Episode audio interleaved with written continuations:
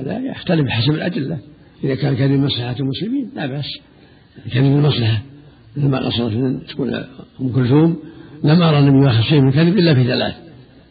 في الحرب وفي الإصلاح بين الناس وفي حديث الرجل امرأته والمرأة زوجها. لا بأس بهذا. وما كذب قد قد يجب إذا كان فيه إنقاذ مؤمن. إذا كان فيه إنقاذ مؤمن لأن يقول والله إنها أخوي لأجل إنه إذا قال إنها أخوه بيتركه ما يقتله أو ما يضربه أو, أو والله إنه نسيبي أو والله إن هذا مو بفلان إنك غلطان أو ما أشبه ذلك حتى يدفع عنه الظلم الله عنك من قال ان أخبار الغيبه عفى الله عنك لا يستحب أيضا لأنه يجد الوحشة وغار الصدر. لا لا مثل ما قال صلى الله عليه وسلم يقول من كان عنده لاخي مظلمة من عرض أو شيء فلا يتحلله اليوم قبل ان لا يكون دينار ولا درهم صرح النبي بالعرض. الله عليك يا شيخ. قال الرسول صلى الله عليه وسلم إن اللعانين لا يكونون شفعاء. هل يفهم؟ ولا شهداء يوم القيامة. هل يفهم إن ما عداهم يكونون شفعاء؟ قد يكونوا قد شهداء متى عفى الله عنك؟ يوم القيامة. يشهد لإخوانهم الخير. صلى الله عليك. عبارة يقولها بعضهم صلى الله عليك. إذا علم الله منك حرصك على هذا الأمر وفقك العينين عبارة إذا علم الله منك حرصك. معنى حث على الصدق. معنى الحث على الصدق. وأنك إذا صدقت فأنت يرجى لك العون من الله. والله يعلم ما كان العدو في عون أخيه. استعينوا بالله واصبروا. إياك نعبد وإياك نستعين. أحسن الله عليك قول الرسول صلى الله عليه وسلم. ولا شهداء يوم القيامة. وش الصواب في ولا شهداء؟ شيء. ذكر يقول لا يشفعون حين يشفع المؤمنون ومعنى ولا شهداء قيل لا يكونون يوم القيامة شهداء. الله أعلم. وقيل لا يكونون شهداء. المقصود المقصود تحريم اللعن هذا المقصود. باب الترغيب في مكارم الأخلاق. عن ابن مسعود رضي الله عنه قال قال رسول الله صلى الله عليه وسلم عليكم بالصدق فإن الصدق يهدي إلى البر وإن البر يهدي إلى الجنة وما يزال الرجل يصدق ويتحرى الصدق حتى يكتب عند الله صديقا وإياكم والكذب فإن الكذب يهدي إلى الفجور وإن الفجور يهدي إلى النار وما يزال الرجل يكذب ويتحرى الكذب حتى يكتب عند الله كذابا متفق عليه وعن أبي هريرة رضي الله عنه أن رسول الله صلى الله عليه وسلم قال إياكم والظن فإن الظن أكذب الحديث. متفق عليه. وعن أبي سعيد الخدري رضي الله عنه قال قال رسول الله صلى الله عليه وسلم إياكم والجلوس على الطرقات. قالوا يا رسول الله ما لنا بد من مجالسنا نتحدث فيها قال فأما إذا أبيتم فأعطوا الطريق حقه. قالوا وما حقه؟ قال غض البصر وكف الأذى ورد السلام والأمر بالمعروف والنهي عن المنكر متفق عليه. بسم الله الرحمن الرحيم. الحمد لله. وصلى الله وسلم على رسول الله وعلى آله وأصحابه ومن اهتدى به. أما بعد هذا البحث مكارم الأخلاق. المؤلف رحمه الله أحسن في هذا الكتاب الأخير كتاب جامع جمع فيه هذا الأبواب الستة باب الأدب والبر والصلة والزهد والوراء وترهيب مساوي الأخلاق وهذا الباب الخامس ترهيب مكارم الأخلاق والباب السادس يتعلق بالذكر والدعاء قد أحسن رحمه الله في ذلك. مما ينبغي المؤمن أن يتحلى مكارم الأخلاق ويجتهد في أن يعود نفسه ذلك من البر والحلم والصدقة والإحسان وطيب الكلام والعفو والصفح وغير هذا من مكارم الأخلاق. روى الإمام أحمد وغيره بإسناد صحيح أن النبي عليه السلام قال إنما بعثت لأتمم صالح الأخلاق وفي رواية لأتمم مكارم الأخلاق. والله بعثه لينشر بين الناس مكارم الأخلاق ويدعوهم إلى مكارم الأخلاق ومنها الطاعات التي أمر بها من صلاة وصوم وزكاة وحج كل هذا من مكارم الأخلاق والجهاد والأمر بالمعروف والنهي عن المنكر. كلهم مكارم الأخلاق. وهكذا العفاف عما حرم الله كلهم مكارم الأخلاق. من هذا حديث مسعود يقول صلى الله عليه وسلم عليكم بالصدق فإن الصدق يهدي البر وإن البر يهدي الجنة. وما يزال يصدق ويتحرى الصدق حتى يكتب عند الله صديقا وإياكم الكذب إنه يهدي إلى الفجور والفجور يهدي إلى النار. وما زال الرجل يكذب ويتحرى الكذب حتى يكتب عند الله كذاب فلا يتعاطى الصدق ويتعود الصدق يوفق للبر في أعماله والصدق في أعماله والاستقامة في أعماله. والذي يبتلى بالكذب يجره الكذب إلى الفجور والمعاصي الكثيرة. فالواجب على المؤمن يتحرى الصدق ويبتعد عن الكذب. كما قال الله تعالى يا أيها الذين آمنوا اتقوا الله وكونوا مع الصادقين. قال تعالى هذا يوم ينفع الصادقين صدقهم. لهم جنات تجري من تحتها خالدين فيها أبدا. قال تعالى إن المسلمين والمسلمات والمؤمنين والمؤمنات والقانتين والقانتات والصادقين والصادقات والصابرين والصابرات إلى أن قال سبحانه والذاكرين الله كيف والذاكرات أعد الله لهم مغفرة وأجرا عظيما. فينبغي يكون الصدق في أعماله وأقواله. وتحري ذلك. إلا إذا أبيح الكذب كالإصلاح بين الناس والحرب وحديث الرجل المرأة هذا مستثنى. الحديث الثاني يقول صلى الله عليه وسلم إياكم والظن يقول صلى الله عليه وسلم إياكم والظن فإن الظن أكذب الحديث.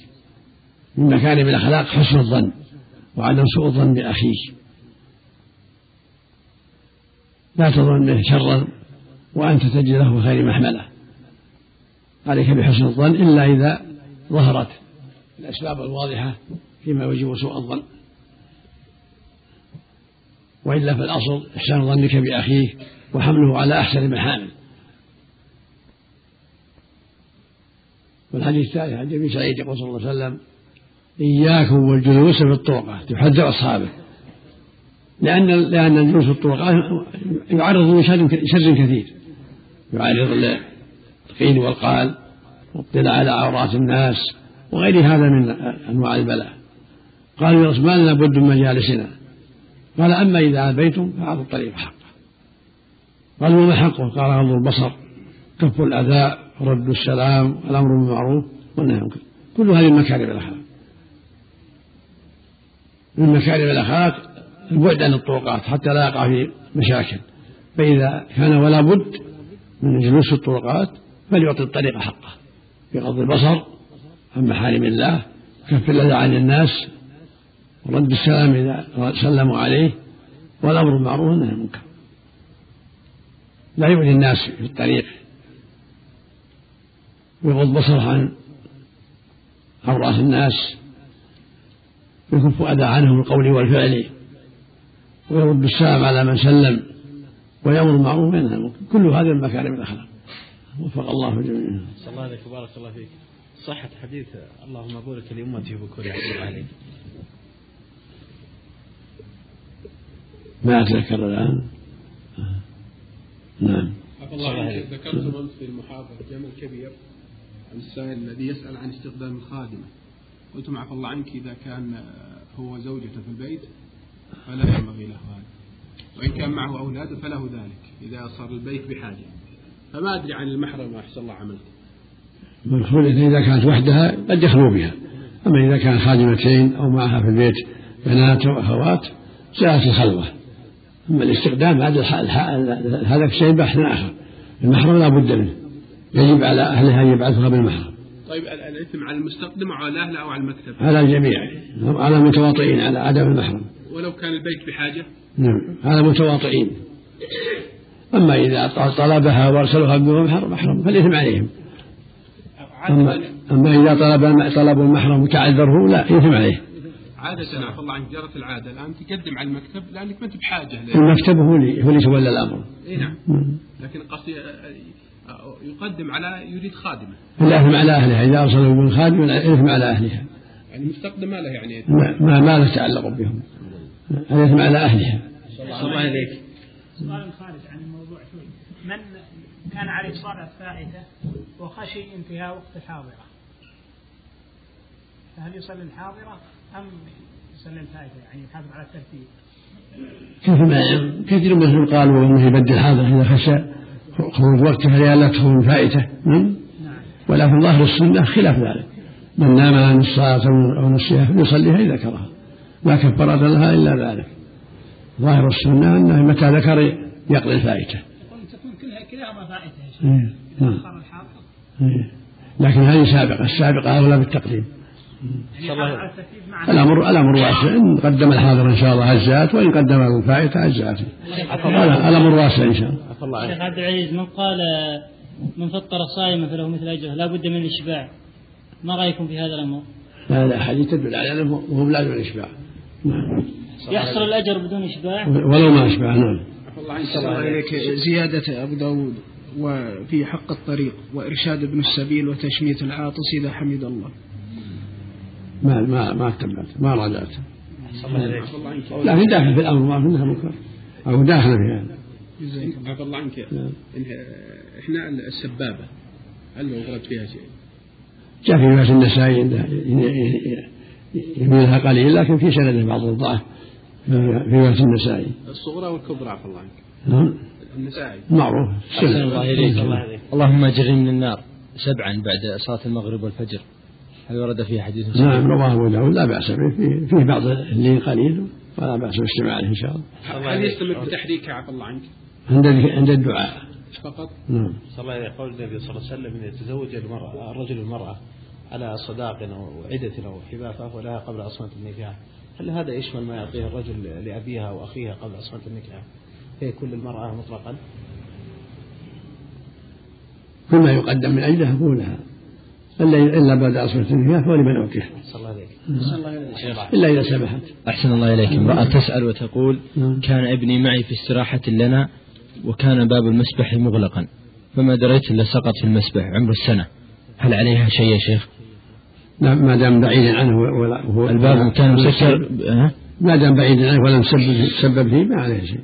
أحسن ثم إذا جعلته عنده فيه هي, فرق هي عنده والمسبح قريب ولكن تعلم أن باب المسبح مغلق. مم. ولكن إخوان الطفل ربما يذهبون يفتحون المسبح. إن شاء الله ما عليه ما دام ما ما فرطت إن شاء الله. شيخ عبد العزيز رد السلام للمصلي يرد السلام وهو قائم وراكع وساجد أم فقط في القيام؟ بالإشارة. بالإشارة فقط في القيام يرده بال- بالإشارة وهو جا- جالس ولا واقف كيف صفة الإشارة يا شيخ؟ هكذا. كيف؟ كان يرد يرد النبي ب- الركوع والسجود أحسن الله عليكم يرده؟ بيده هكذا. حتى في الركوع والسجود السجود إذا نهض من السجود إذا نهض ركوع. إذا نهض نعم. وعن معاوية رضي الله عنه قال قال رسول الله صلى الله عليه وسلم من يرد الله به خيرا يفقهه في الدين. متفق عليه. وعن أبي الدرداء رضي الله عنه قال قال رسول الله صلى الله عليه وسلم ما من شيء في الميزان يثقل من, من حسن الخلق. أخرجه أبو داود والترمذي وصححه. وعن ابن عمر رضي الله عنهما قال قال رسول الله صلى الله عليه وسلم الحياء من الإيمان. متفق عليه. وعن أبي مسعود رضي الله عنه قال قال رسول الله صلى الله عليه وسلم إن مما أدرك الناس من كلام النبوة الأولى إذا لم تستح فاصنع ما شئت. أخرجه أخرجه البخاري. وبالله التوفيق. الحمد لله وصلى الله وسلم على رسول الله وعلى آله وأصحابه ومن اهتدى أما بعد فهذه الاحاديث كلها تتعلق بمكارم الأخلاق ومن اعظمها الفقه في الدين. التفقه في الدين من أعظم الأخلاق من أشرف الأخلاق حتى يعرف ما أوجب الله عليه وما حرم الله عليه وما شرع الله له. ولهذا يقول صلى الله عليه وسلم من يريد الله به خيرا يفقهه في الدين.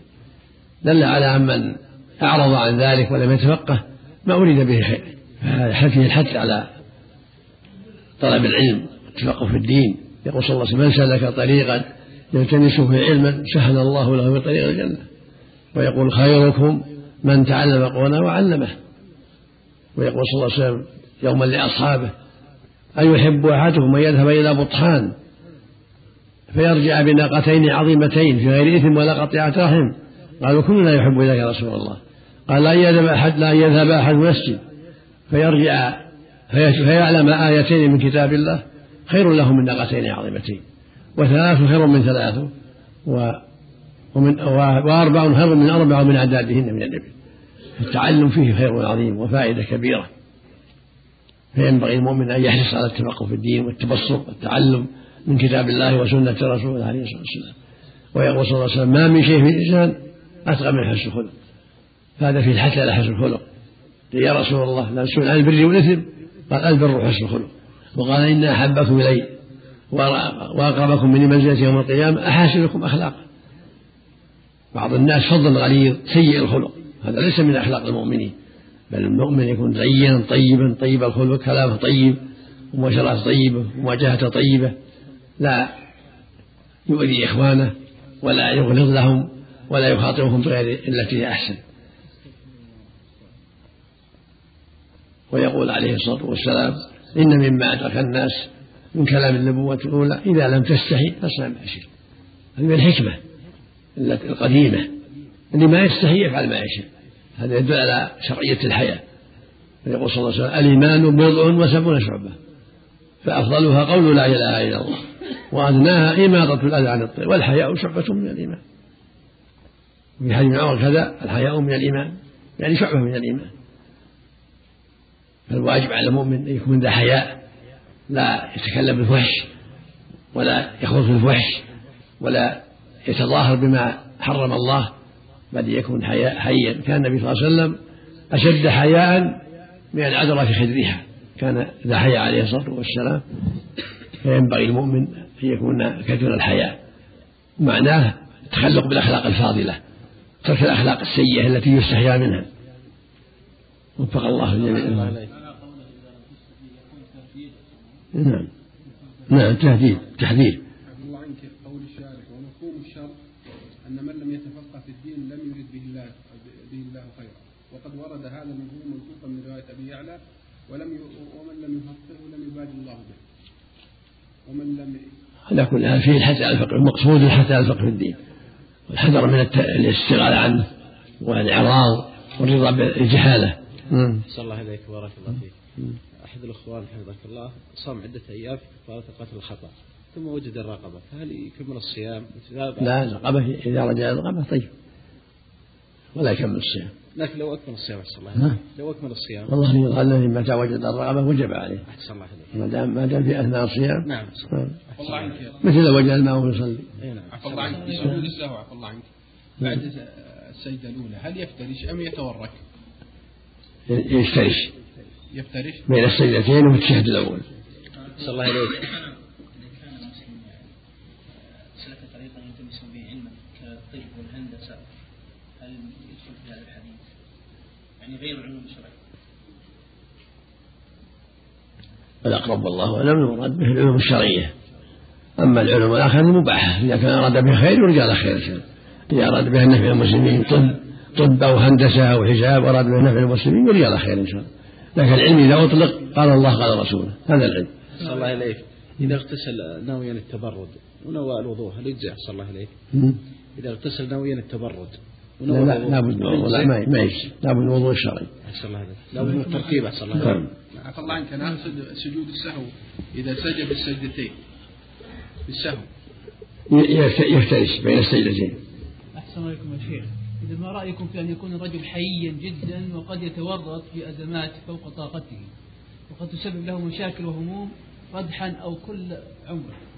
يعني يكون حيا يعني لابد من حياة لا يخالف الشرع.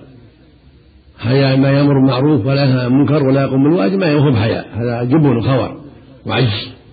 لابد حياء يوافق الشرع. معناه يحجزه عن سيء الأخلاق ويعينه على مكارم الأخلاق. هذا الحياء الشرعي. أما حياء يحجزه عن الواجبات أو عن مخالطة الأخيار أو عن طلب العلم أو ما أشبه هذا هذا هو ليس حياء. هذا هو العجز والكسل. لا ليس الحياء الذي يحجز عن الخيرات ولكن خيرات الدين.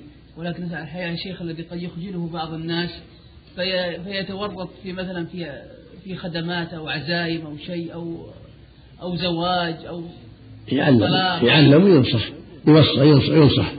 إذا خيف عليه ينصح. أحسن. الله عليك الصور والحالات الله يسر. التي يرجع للزوجة نرجع على زوجته بعقد جديد. هل لابد من مهر؟ نعم. إيه لابد من عقد جديد لكن في عقد جديد لابد من مهر ولو قليل. الله لا نكاح إلا بمهر ولو قليل. أن تبتغوا بأموالكم. أحسن الله وعن أبي هريرة رضي الله عنه قال قال رسول الله صلى الله عليه وسلم المؤمن القوي خير وأحب إلى الله من المؤمن الضعيف. وفي كل خير احرص على ما ينفعك واستعن بالله ولا تعجز وإن أصابك شيء فلا تقل. لو أني فعلت كذا كان كذا وكذا ولكن قل قدر الله وما شاء الله فعل فإن لو تفتح عمل الشيطان. أخرجه مسلم. وعن عياض بن حمار رضي الله عنه قال قال رسول الله صلى الله عليه وسلم إن الله تعالى وحى إلي أن تواضعوا حتى لا يبغي أحد على أحد ولا يفخر أحد على أحد. أخرجه مسلم. وعن أبي الدرداء رضي الله عنه عن النبي صلى الله عليه وسلم قال من رد عن عرض أخيه بالغيب رد الله عن وجهه يوم رد الله عن وجهه النار يوم القيامة. أخرجه الترمذي وحسنه. ولأحمد من حديث أسماء بنت يزيد رضي الله عنها نحوه. الحمد لله. على رسول الله وعلى آله وأصحابه ومن اهتدى أما بعد يقول النبي صلى الله عليه وسلم في الحديث الصحيح المؤمن القوي خير وأحب إلى الله من المؤمن الضعيف وفي كل خير. ثم يقول صلى الله عليه وسلم احرص على ما ينفعك واستعن بالله ولا تعجزن. وإن أصابك شيء فلا تقل لو أني فعلت لكان كذا وكذا. ولكن قل قدر الله وما شاء فعل. فإن لو تفتح عمل الشيطان. هذا يفيد أنه ينبغي المؤمن ألا يدع الأسباب. بل ينبغي أن يأخذ بالأسباب ويعمل يكدح حتى لا يحتاج إلى الناس. ولهذا قال المؤمن القوي خير وأحب الله من الضعيف فالمؤمن الضعيف هو من القوي الذي يأمر بالمعروف ينهى عن المنكر ويأخذ بالأسباب حتى يستغني عن الناس خير من الضعيف الذي قد يحتاج إلى الناس ويضعف عن الأمر والنهي. ثم قال صلى الله عليه وسلم احرص على ما ينفعك. قل يحرص على ما ينفعك يكون يبيع يشتري حراث زراء إلى غير هذا من أسباب الرزق. يقول صلى الله عليه وسلم ما أكل أحد طعاما خيرا من أن يكون عمل يده وكان نبي الله داود يأكل من عمل يده ويقول صلى الله عليه وسلم سئل أي كسب أطيب قال عمل الرجل بيده وكل بيع مبرور. فالإنسان يعمل يتسبب يأخذ بأسباب الرزق حتى لا يحتاج إلى الناس.